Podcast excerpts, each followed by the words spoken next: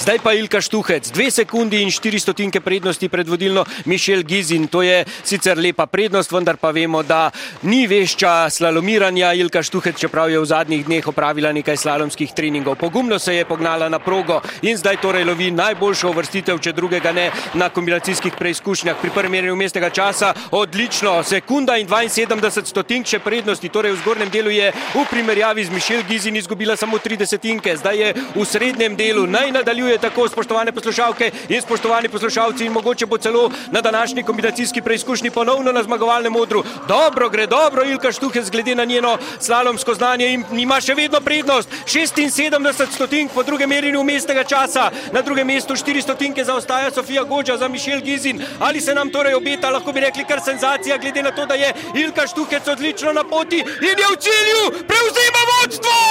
To!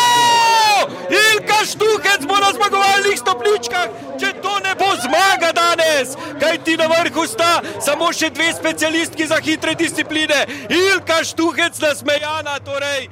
Ko se enkrat začnejo nizati odlični rezultati, potem se pač nadaljujejo tudi v disciplinah, v katerih tekmovalke niso blestele predtem. Razočaranje za Mišel Gizin v cilju, kaj ti pokimala je, ko je prišla v cilj Ilka Štuhec in prevzema vodstvo, torej 26-letna slovenska smučarka in mogoče smo na pragu še tretje njene zmage na tekmah svetovnega pokala v letošnji sezoni. Neverjetno, kdo bi si to mislil pred začetkom te sezone. der Zone.